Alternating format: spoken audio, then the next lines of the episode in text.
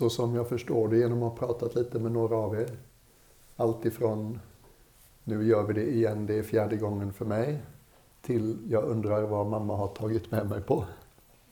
Så det finns liksom ett spann med, vad ska vi säga, med förväntningarna eller undrandet som vi kommer hit. Mm.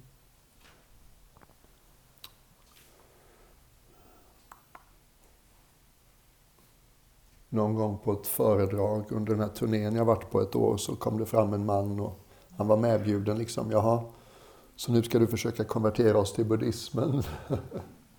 Jag hade liksom inte ens tänkt på att man kunde tänka så om man kom och lyssnade på mig. Så jag tänkte, jag säger det idag. Vi är inte här för att jag ska försöka konvertera dig till buddhism. Okej. Okay. Uh, först av allt, välkomna. Jag är lite grötig hjärnkontoret idag. Jag sov så lite i natt.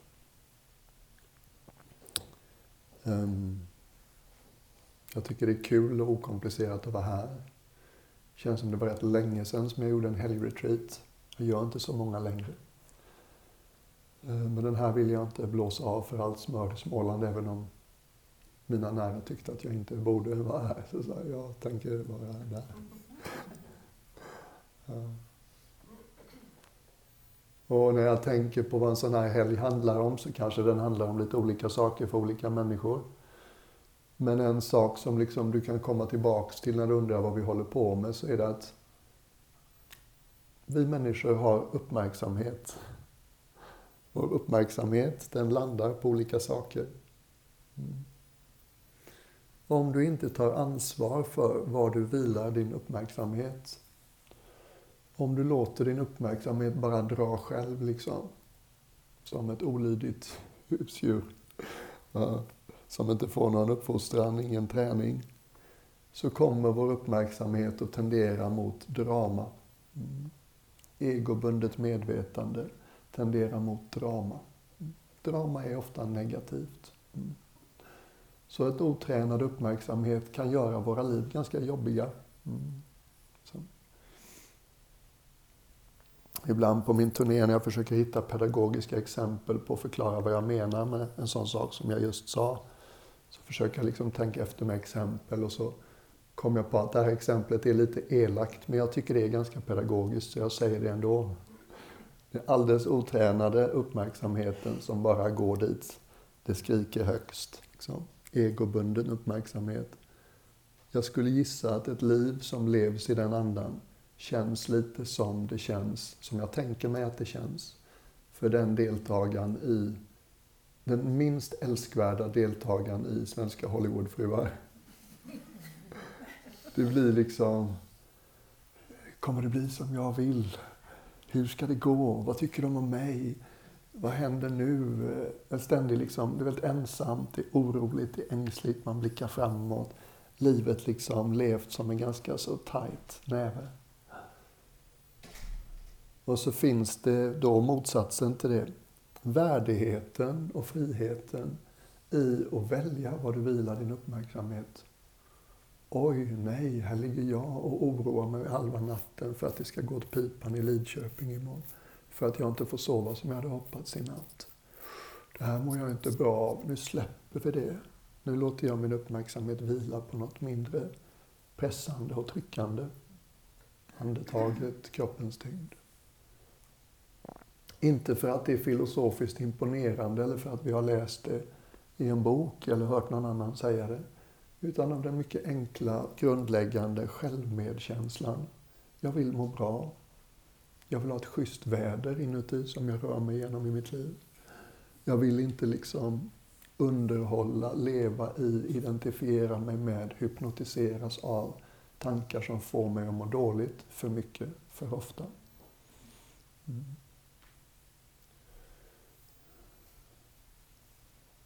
Så jag vet inte om det här är uppenbart för dig, men jag antar någonstans att om man väljer att göra en sån här konstig grej med sina pengar och sin tid, där det finns så mycket mer spännande och underhållande och glamoröst och flashigt man kan göra med sina pengar och sin tid, så antar jag att man någonstans har en känsla för att det håller nog inte riktigt att bara skylla på allt annat och alla andra när jag mår dåligt. Det finns nog rätt mycket som händer i mig som gör det mer eller mindre svårt att vara jag.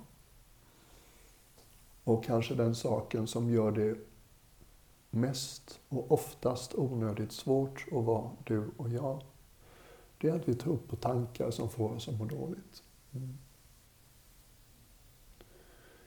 Och jag är liksom nästan självmedveten för de av er som har lyssnat mycket på mig och mitt, för att eh, jag har pratat om de här sakerna på olika sätt väldigt mycket, väldigt länge nu. Men det är just därför att jag ser hur otroligt värdefullt det är att vänja sig vid att inte automatiskt tro på allt vi tänker.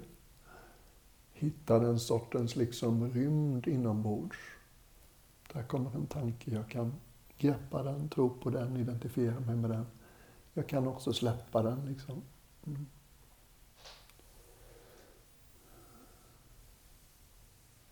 Och i, min, i mitt synsätt så skulle jag säga att det finns egentligen bara en enda människa på hela planeten som kan få mig att må dåligt. Och det är människan jag möter i badrumsspegeln varje morgon. Så folk gör vad de gör. Vissa är jättehärliga och vissa är Apspår. De flesta är lätta att ha att göra med ibland och svåra att ha att göra med ibland.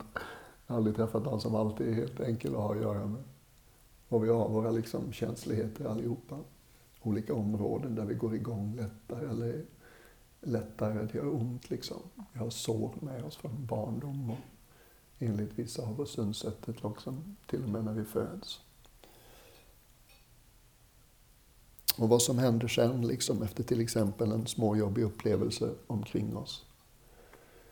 Hur länge vi underhåller tanken, han borde inte ha gjort så, hon borde inte ha sagt så, de borde ha tänkt på hur det här känns för mig. Mm. Där liksom går vi in i ett motstånd mot verkligheten. Och det är väldigt rimligt. Liksom.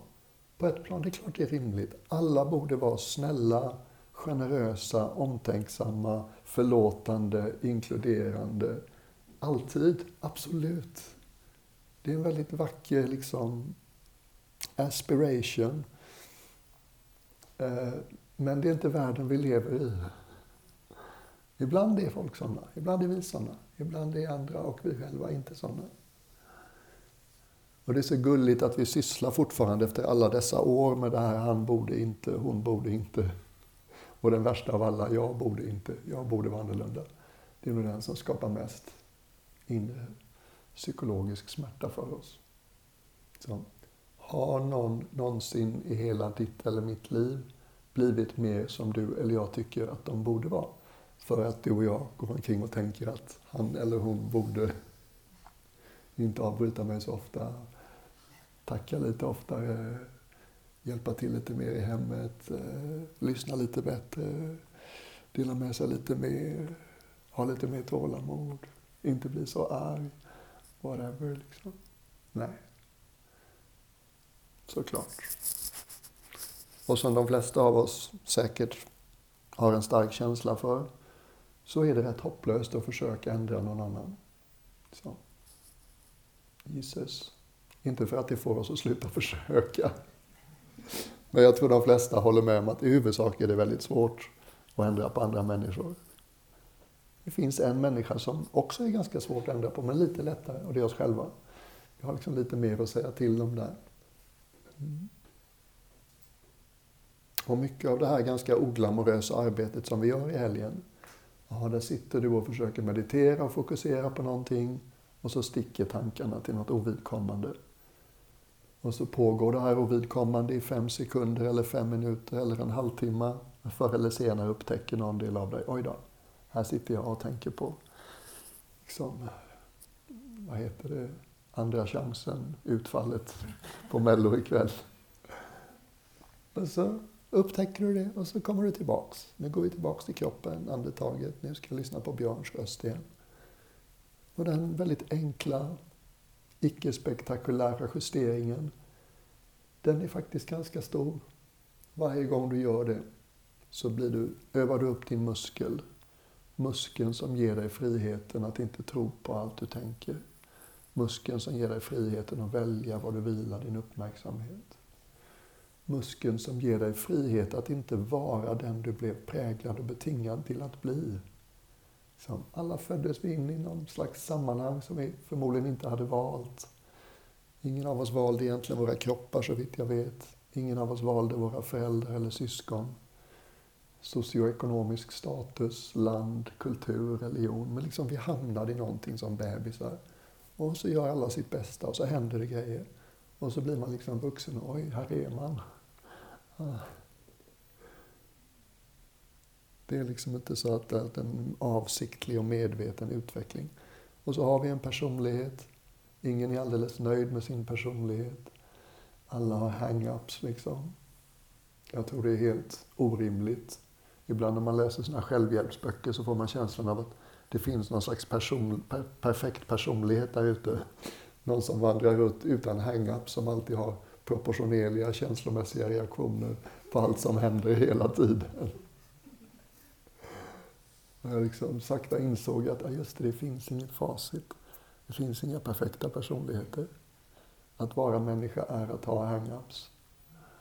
Men att fastna i sina hang-ups gör ont, även om vi inte har valt våra hang-ups. Och en rimligare målsättning i andligt arbete eller självutvecklingsarbete om du gillar det bättre. Det är att fastna i våra hang-ups lite mindre ofta, lite mindre länge. Mm.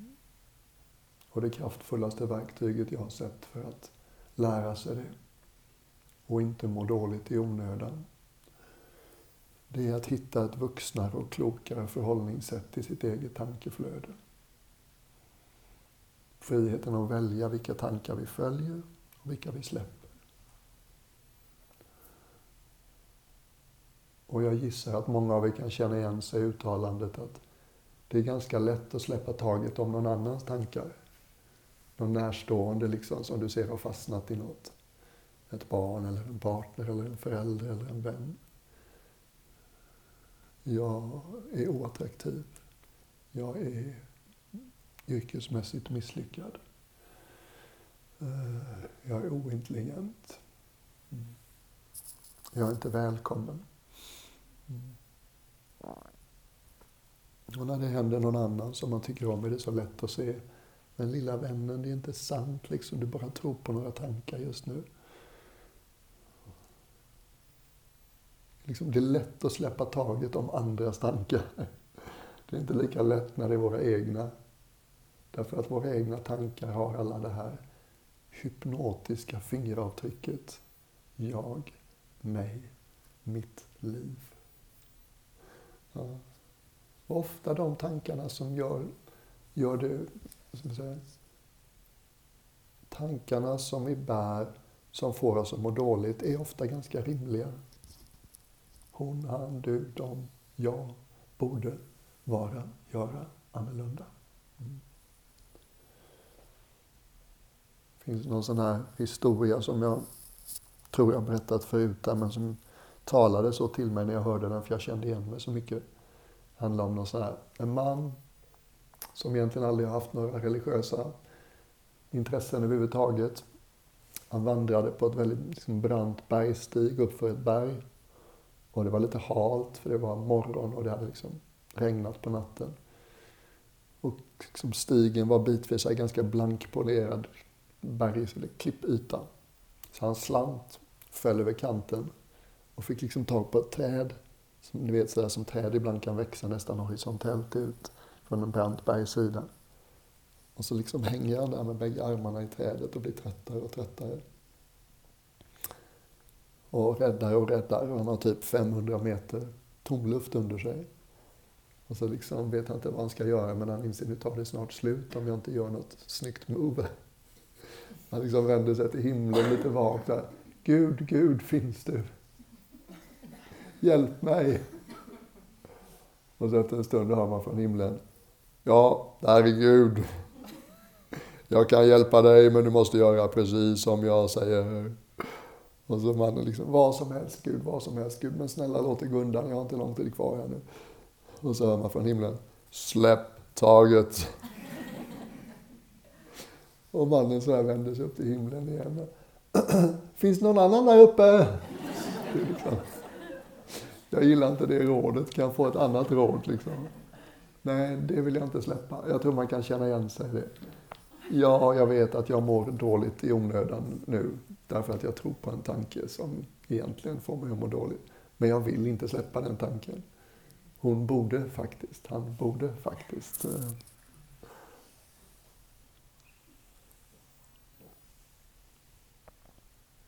Så det är delvis vad en sån här dag handlar om. Mm. Och det är inget religiöst med det. Mm. Det är så underskattat liksom. Att kunna förvalta gåvan vi kallar uppmärksamhet. Det är en vacker och värdig konst. Det är fint med människor som har lärt sig det. Så. Man ställer till det mindre för sig själv framför allt. Man ställer faktiskt även till det mindre för andra. Så man kan röra sig lite mjukare och lättare och ledigare och mer humoristiskt och prestigelöst genom sitt liv. Letting bygons be bygons, liksom. Mm. Sluta begära av sig själv och andra att man ska vara fullt funktionell och sammanhängande och liksom rimlig. Mm. Och sen hoppas jag också att det finns vissa passager under helgen där vi kommer att liksom använda vår uppmärksamhet på ett lite ovanligt sätt. Mm. Som du som är ny till allt det här kanske inte har varit med om förut. Så, aha, så här kan man ju också förhålla sig till uppmärksamhet. Liksom. Mm. Jag hoppas att vi ska kunna ägna oss också åt sådana saker som att möta liksom vår känslomässiga dimension på ett enklare och mindre konceptuellt, intellektuellt sätt. Mm. Möta känslor med kroppen mera. Mm.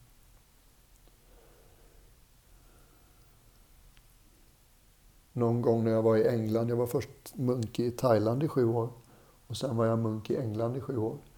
Och i England så bodde vi liksom en månad i taget i stora huset och sen fick man en månad ute i skogen i en liten hydda. Och man såg alltid fram emot de där tiden ute i skogen när man fick sin egen hydda. Det var väldigt mysigt. Alla hyddorna hade en liten eldstad liksom så man höll sig varm med ved. Och alltid lite spännande när man flyttar in i en ny hydda. Liksom, så, aha, hur ser det ut här och hur funkar det här? Nu är det här mitt hem en månad. Och någon gång när jag flyttade in i en hydda så hade någon lämnat ett vykort. Och jag har tänkt på det här så mycket och pratat om det då och då så jag har faktiskt glömt vad det stod på engelska. Men det kan ha att göra med att jag tycker uttrycket var så fint på svenska så jag liksom, det svenska uttrycket fyller upp mig nu. Och på det här vykortet så stod det på engelska då, men jag säger det på svenska. Vi lär oss det här i stiltje för att använda det i storm. Mm. Så det är lite också, liksom, man kan tycka, men är det inte lite överdrivet att vi ska vara tysta hela helgen? Ja, men det blir så lätt liksom. Det, det är inte så vanligt att man kan ha, du vet, kortfattad, kärnfull, det som behöver sägas säger man, utan det, det går lätt in i vanliga sociala mönster. Och då blir det lätt för många av oss att man blir utåtriktad och känner att man måste svara an och sådär. Så att eh, vi försöker skapa liksom en lite skyddad verkstad en trygg plats där det är relativt lätt att vända uppmärksamheten inåt. Det är så mycket som pockar på vår uppmärksamhet utåt, nu mer än någonsin kanske. Och den här helgen finns det möjligheten att bara, du behöver inte vara någon för någon den här helgen. Du behöver liksom inte presentera dig för någon, göra ett intryck på någon. Du behöver inte säga ett ord liksom, under tiden vi spenderar i det här rummet tillsammans.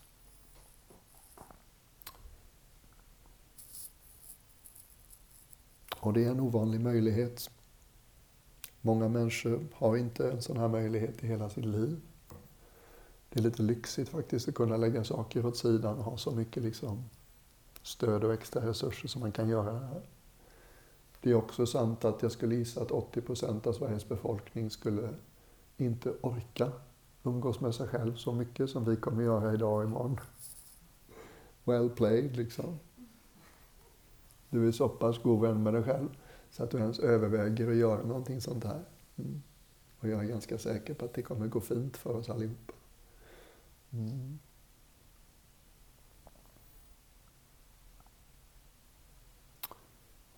Jag har fått vänja mig vid en sak som jag inte liksom riktigt räknade med när jag började med sånt här.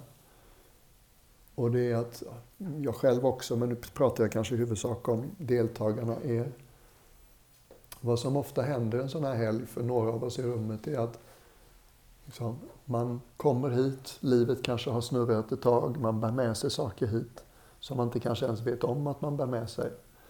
Det kan sitta mer i kroppen liksom än i intellektet. Och så blir vi lite mer närvarande i vår kropp en sån här helg genom fokuset vi har. Och så kanske det bubblar upp sorg som du inte förstår var den kommer ifrån. Att du oförklarligt bara sitter och gråter halva helgen. Eller så sitter du och irriterar dig på precis allt och alla hela tiden. Och funderar på att knäa din granne i skrevet för att hen andas för högljutt. Okej. Okay. Kan vara så att grannen är en trigger och inte en orsak. Eller så blir du bara rädd liksom akut självmedveten och bara undrar vad tycker alla om mig? Och sådär. Alla andra verkar sitta som små tända ljus och jag sitter bara och följer mitt monkey mind. Liksom. Du vet, så ta det med en nypa salt, liksom, vad som händer på det känslomässiga planet. Gör ingen story av det. Det här är ett jättebra tillfälle att låta känslor få liksom skölja igenom dig. Mm. Det är verkligen eh, läkande och stärkande att låta ilska eller sorg eller rädsla eller oro bara få liksom blåsa igenom systemet utan att gå upp till huvudet och försöka förklara för sig själv. Är det här för att mamma var så sträng när jag var liten? Är det här för att min fru lämnade mig för två år sedan? Är det här för att whatever liksom? Det här läker ingenting i det analytiska. Och ibland kommer liksom intellektuell insikt, men den kommer alltid efter den genuina intellektuella insikten kommer alltid efter du har låtit en känslostorm blåsa igenom. Medan det som vi håller på att försöka förklara för oss själva medan det gör ont, det är inte insikten liksom. Mm. Det är spekulation, det är något annat. Så lita på kroppen, var inte rädd för att känna. Var inte generad eller självmedveten. Det här är den perfekta platsen för att möta det i dig som är svårt att möta så märker du att du till exempel sitter och liksom fäller några tårar eller mer än så, liksom sitter och kluckar av gråt, så ingen fara. Ingen fara. Och jag litar på att alla är vuxna. De flesta brukar vilja bara få vara i sitt. Inte att någon kommer fram och liksom håller om oss och håller på, utan vi får vara i vårt. Och är det någon som vill ha en stödjande hand eller ett samtal så här så kommer Madeleine och jag vara tillgängliga för det. Mm. Även om mitt fokus kommer vara på hela gruppen så mycket jag bara kan. Jag känner att det är där jag vill ha fokuset sådana här helger. Så du vet, ta det med en nypa salt. Jag kan bli lite dramatisk sådär, men jag vill egentligen jag vill skapa ett tryggt utrymme här. Och det är en av sakerna jag känner att jag behöver säga i förväg. Det är inte konstigt om någon sitter och gråter. Det är inte konstigt om du liksom blir uppfylld av en stark och jobbig känsla. Oftast är det, eller alltid typ, är det bara ett tecken på att meditationen funkar som det ska. Mm. Okej, okay. kapaciteten i systemet har växt tillräckligt för att den där lilla biten av vrede eller sorg eller ilska eller oro eller vad det nu kan vara ska känna sig välkommen och kliva fram.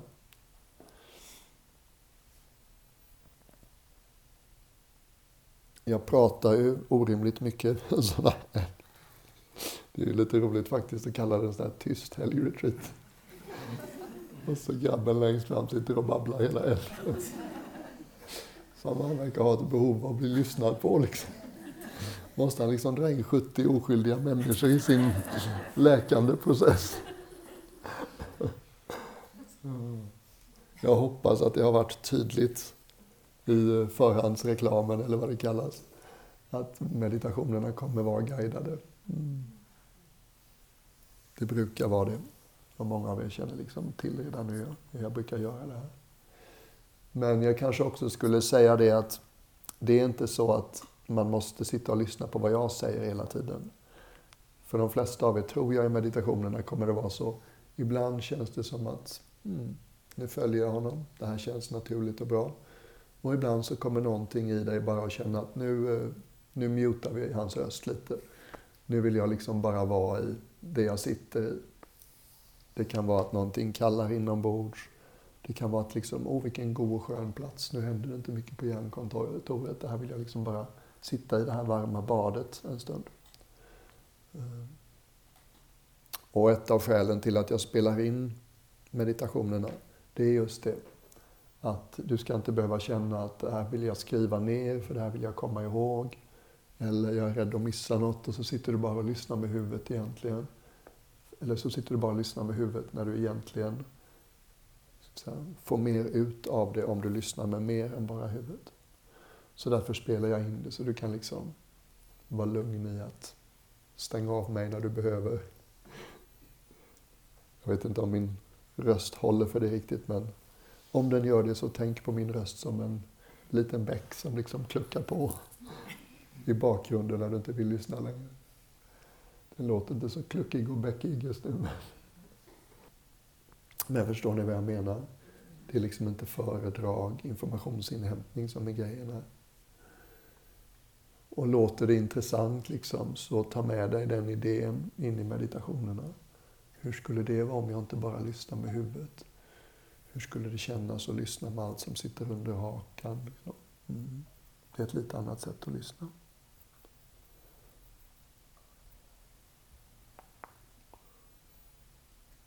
Så min känsla på ett praktiskt plan det är att det här är vårt, det här är vårt tempel i helgen, det här rummet.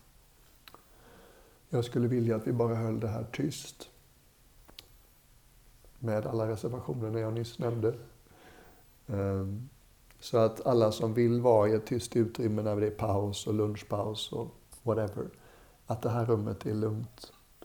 Jag skulle vilja föreslå att vi undviker liksom vigorös yoga här inne också för att om någon sitter och bara vill slappna av och så sitter någon alldeles i närheten och gör vigorösa rörelser så blir det liksom en konstig grej. Så det här är liksom ligga och sitta stilla och vara tyst i rummet. Och sen minns jag det som att det brukar finnas en viss social nerv bland en del av oss under lunchen. Och jag vill liksom inte hålla, hålla folk för hårt. Utan jag tänker att de av oss som tycker det är kul att bubbla lite och surra under lunchen, då har vi rummet där maten kommer att stå. Eva-Karin, kommer den stå där den brukar stå? Ja. Ja, just det. Så man går ut och käkar eller? Ja, ja. det är bra. Um, ja, då är ju lunchgrejen lite annorlunda för de flesta av oss kommer helt enkelt gå ut och käka. Eller äta medhavd mat här. Mm. Um, en bit som har blivit mer och mer värdefull och rolig för mig är samtalsstunderna. Det kan bli lite ensamt att sitta här uppe och surra. Jag gör så gott jag kan men ändå liksom det finns en slags, aha, jag vill checka in, hur går det för er och var befinner ni er och vad funkar, vad funkar inte? Så att det är väldigt värdefullt för mig också i min roll att ha samtalsstunderna. Så jag brukar lägga in en före lunch och en någonstans senare delen av eftermiddagen också. Det tänkte jag göra idag. Samma sak imorgon. Mm. Och för dig som har frågor och så som bubblar upp så kan det vara bra att komma ihåg det att innan lunchen och på senare delen av eftermiddagen idag imorgon så finns det tillfälle till det. Och de spelar jag inte in för det, det känns Ja, det är lite sådär, det känns respektfullt att de får vara, det händer bara här liksom. Mm. Då är det också tryggare för den som vill berätta någonting personligt, att man inte känner att ja, ska det ligga på Soundcloud om en månad, hur kul är det? Liksom.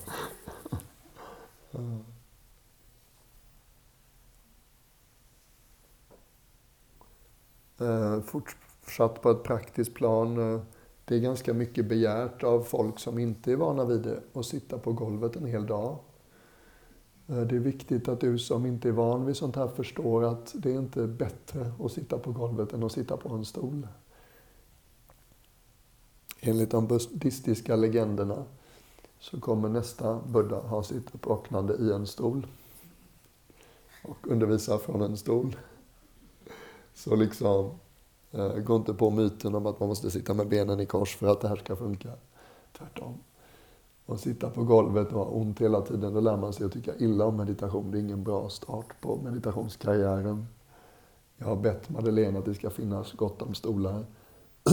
Jag har inte sett Madeleine riktigt. Var sitter Madeleine? Ja, ja, ja, ja. okej. Okay. Bakom draperiet finns det fler, eller?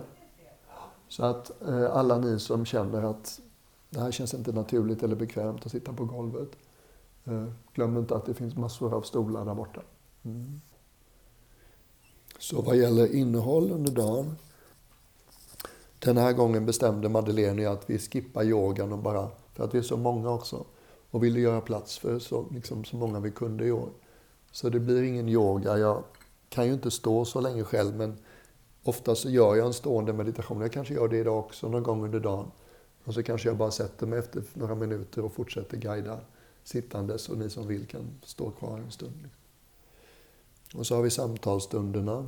Och så tänker jag att dagen idag slutar med ett föredrag. Det låter lite högtidligt men vad ska vi säga?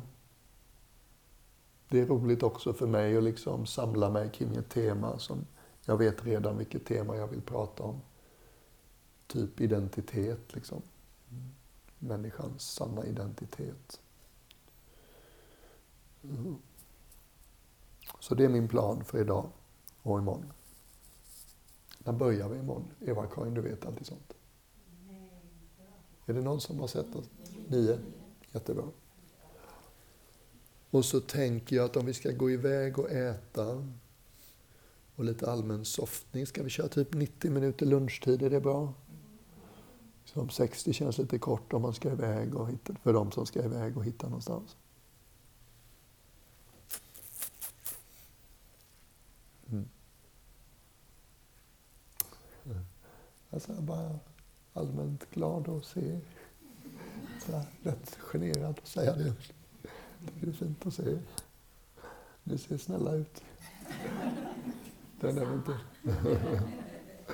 Den delen av mig som alltid oroar sig för att jag inte duger och måste vara bättre. Den delen håller sig ganska lugn när jag tittar på er, för ni ser ut som... De kommer inte vara svåra att ha att göra med. Eh. Jag tänker liksom, vad är det någonting mer i det här sätta tonen avsnittet av dagen som behöver sägas?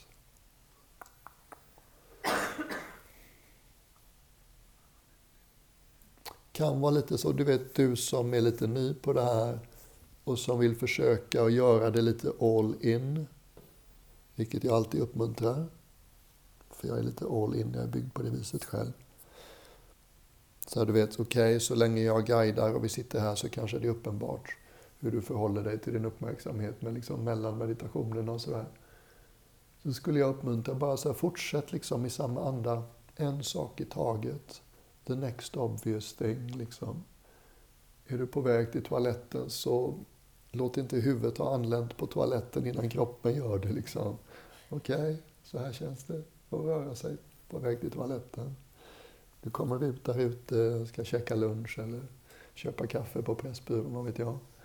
Okej, okay, så här känns det just nu. Jag är inte på Pressbyrån än, men så här är den kalla luften i ansiktet. Liksom.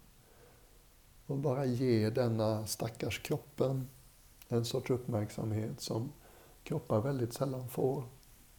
De här kropparna är fantastiska. Inte så mycket genom hur de ser ut eller genom hur de funkar, utan i mitt, i mitt perspektiv. Genom att de kan vara ett ankare för vår uppmärksamhet. Kroppsförnimmelse förleder oss aldrig. Du kan lita på kroppen, den är alltid här och nu. En kroppsförnimmelse har ingen historia eller framtid. Hur mycket den stormar på hjärnkontoret så kan det alltid komma tillbaks till. Andas jag fortfarande? Ja. Känner jag kroppens tyngd mot det jag sitter på? Ja. Mm. Det är kanske är en konstig referens och lite litterär, men jag gissar att man fortfarande i skolan får lära sig om Don Quijote. Den här liksom medeltida riddarroman från Spanien. Don Quijote är så här typisk, väldigt huvudtung riddare som ska rädda ungmöer och slåss mot väderkvarnar. Väldigt mycket uppe i huvudet. Och så han sitter på en häst såklart, han är högt uppe. Och så har han en sidekick som heter Sancho Panza. Som är liksom hans tjocka, trygga väpnare. Sancho Panza är lite rund, Han går på marken, han sitter inte på en häst. Och han plockar alltid tillbaka Don Quijote till den här fysiska verkligheten. Kom ur dina visioner och drömmar och allt det där om slåss mot väderkvarnar och rädda ungmöer i slott och så. Den här verkligheten, här är vi. Kroppen kan ha den funktionen. Ge oss fast mark att stå på när det blåser. Buddha var häpnadsväckande storslagen ibland när han pratade om kroppen. Minst en gång under sitt liv så sa han genom den här famslånga kroppen så har jag förnummit upplevt det som aldrig föddes och aldrig kommer att dö. Rätt mäktigt, rätt mystiskt. Och jag är ganska säker på att han inte ljög. Det var en av grejerna med Buddha, han ljög inte. Så är det svårt att förstå vad han pekar på där, absolut. Mm. Titta på liksom 45 år av undervisning från Buddhan. Vad var det vanligaste uppmuntran till meditationsobjekt? Kroppen, andetaget. Mm. Ingen annan, ingenting annat behöver ändra sig för att det ska bli lättare för dig och mig att vara du och jag. Det enda som behöver ändra sig är att vi hittar ett ännu lite vuxnare och klokare sätt att förhålla oss till våra egna tankar. Sitt inte i meditationerna och försök att få det alldeles knäpptyst på hjärnkontoret. De enda människorna som har det knäpptyst på hjärnkontoret är döda människor. Det är inget att aspirera efter. Du kan vara trygg, du kommer att få vara med om att vara en död människa förr eller senare. Det ingår liksom i paketet. Men medan vi lever så kommer vi ha tankar. Jag gjorde det misstaget i många, många år. När jag började meditera. Utvecklade vad jag själv kallade flugsmällemeditation. Varenda stackars tanke som bobblade upp i mitt inre liksom, tog jag upp min virtuella flugsmälla. Tyst, tyst, tyst. Liksom effekten av den sortens meditation är att man lär sig att tycka meditation är tråkigt och jobbigt och att man alltid misslyckas. Mm. Vad som är mycket mera vuxet, moget, klokt är att sikta mot att inte lika ofta tro på tankarna. Inte identifiera sig med dem lika ofta, lika länge. En tanke är inte farlig förrän vi tror att den är jag, den är sann. Att gå från jag är mina tankar till jag har tankar. Stort steg. En människa som tror på allt de tänker är, är inte en del av lösningen på den här planeten. Tänk om icke namngiven amerikansk politiker lite grann ibland kunde komma ihåg, jag kan ha fel. Jag kanske inte ska helt och hållet tro på den här åsikten. Kanske inte ska lägga ut den på Twitter just nu. Kolla med några kollegor och samarbetspartners. Kanske finns fler perspektiv på det här.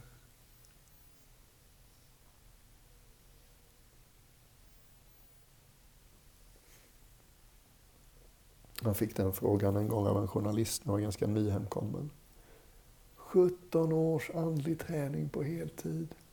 Vad var det mest värdefulla av allt som du fick av det? Och frågan var ju så här, den blev ju rätt stor så där, journalisten var uppenbarligen inte andligt orienterad.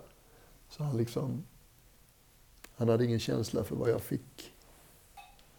Men han hade ju förstås en känsla för vad jag hade försakat. För vi hade pratat i en timme när han ställde den frågan. Så han visste liksom, okej okay, grabben använde inte pengar på 17 år. Ingen sex, inte ens onani. Inga fredagstacos, ingen mello, ingen öl eller vinglas i solnedgången. Och liksom hundra saker till som de flesta av oss tycker sätter guldkant på tillvaron. Så allt det där förstod han att jag hade försakat. Och vad fick grabben istället? Och jag tänkte, nu måste jag hitta något som är sant för mig. Jag vill inte ge något artigt och tillrättalagt svar. Jag liksom checkade av inombords och sa, vad är sant? Hmm. Det jag värdesätter mest av allt av 17 års andlig träning på heltid, det är att jag inte längre tror på allt jag tänker. Det är liksom en superkraft i varje människa. Du kan helt plötsligt vandra genom liksom den oundvikliga turbulensen och oförutsägbarheten och orättvisorna som varje människoliv innebär. Mycket, mycket stadigare. Du kan säkert tänka dig, liksom, det syns ju på mig nu så det är ingen hemlighet, att den här ALS, ALS muskelsjukdomen som jag har drabbats av, den är väldigt, väldigt påtaglig. Um, och det är så himla, jag blir så glad att se så här, min yngsta lillebror, han, han såg ett tv-inslag med mig där jag var med igår kväll för någon månad sedan, eller vad det nu var.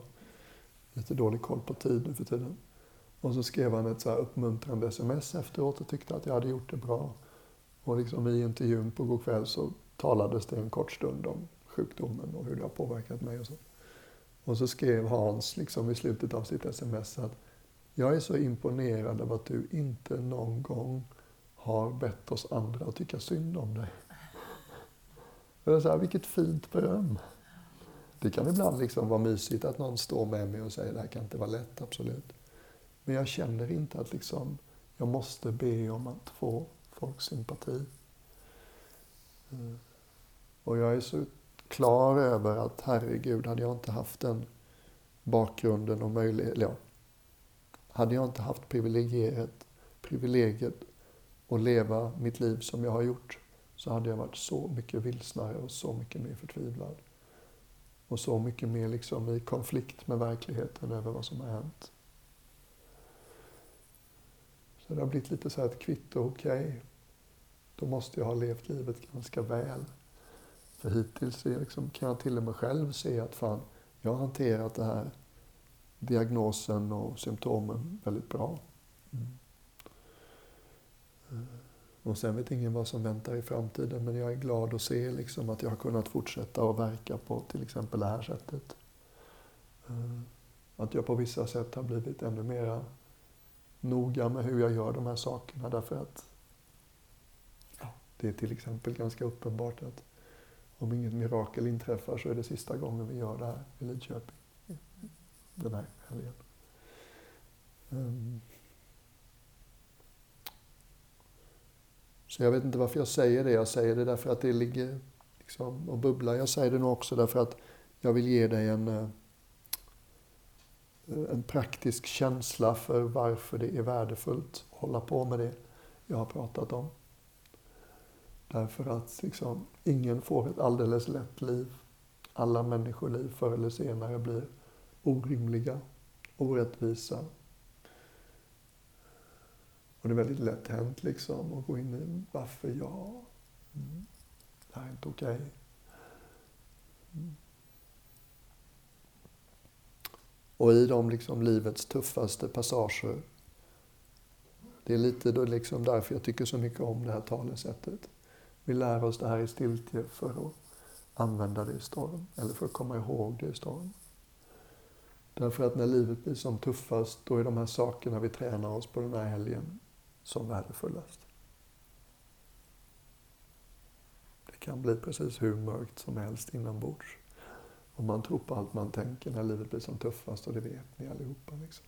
Det vet jag. Mm. Det verkar som jag är lite allvarlig den här helgen. Okej, okay. så kan det vara. För dig som liksom inte har varit med om sånt här innan, känns det som ett liksom tillräckligt mycket sätta tonen anförande lite för vad helgen handlar om? Mm. Vi får vara i vårt eget. Man lyssnar på mig så mycket man vill. Man behöver inte höra allt jag säger. Det är naturligt att liksom sticka iväg i sin uppmärksamhet under meditationen då och då. Det finns möjlighet under lunchen att surra med dem du vill surra med. Det finns också möjlighet att förbli i någonting tystare och mer rofyllt. Jag tror jag kommer välja det stillsamma den här helgen, för jag behöver det. Var inte rädd för om känslorna liksom växer och blir starka. Låt dem möta med kroppen. Mm. Lyssna inte för mycket på mig för att komma ihåg. Utan lita på att allting spelas in så det finns tillgängligt efteråt. Vill lyssna lite mer så, vad skulle man säga?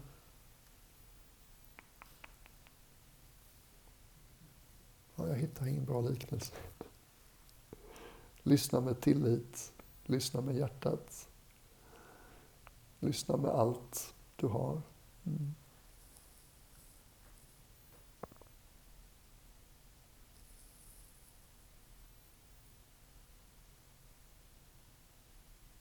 Tack för att du är här. Eh, jag tar det inte för givet att få 150 öron och 75 hjärtan.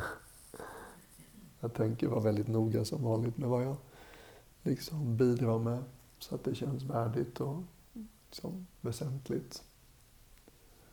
Mm.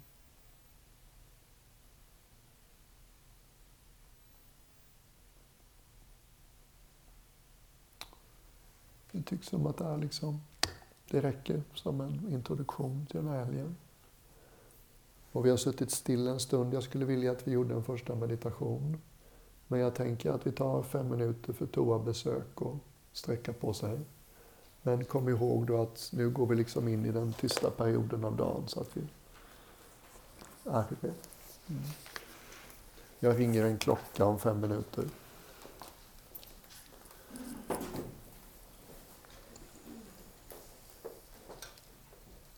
Jag sitter kvar nu Alexander så du behöver inte tänka på att hjälpa mig.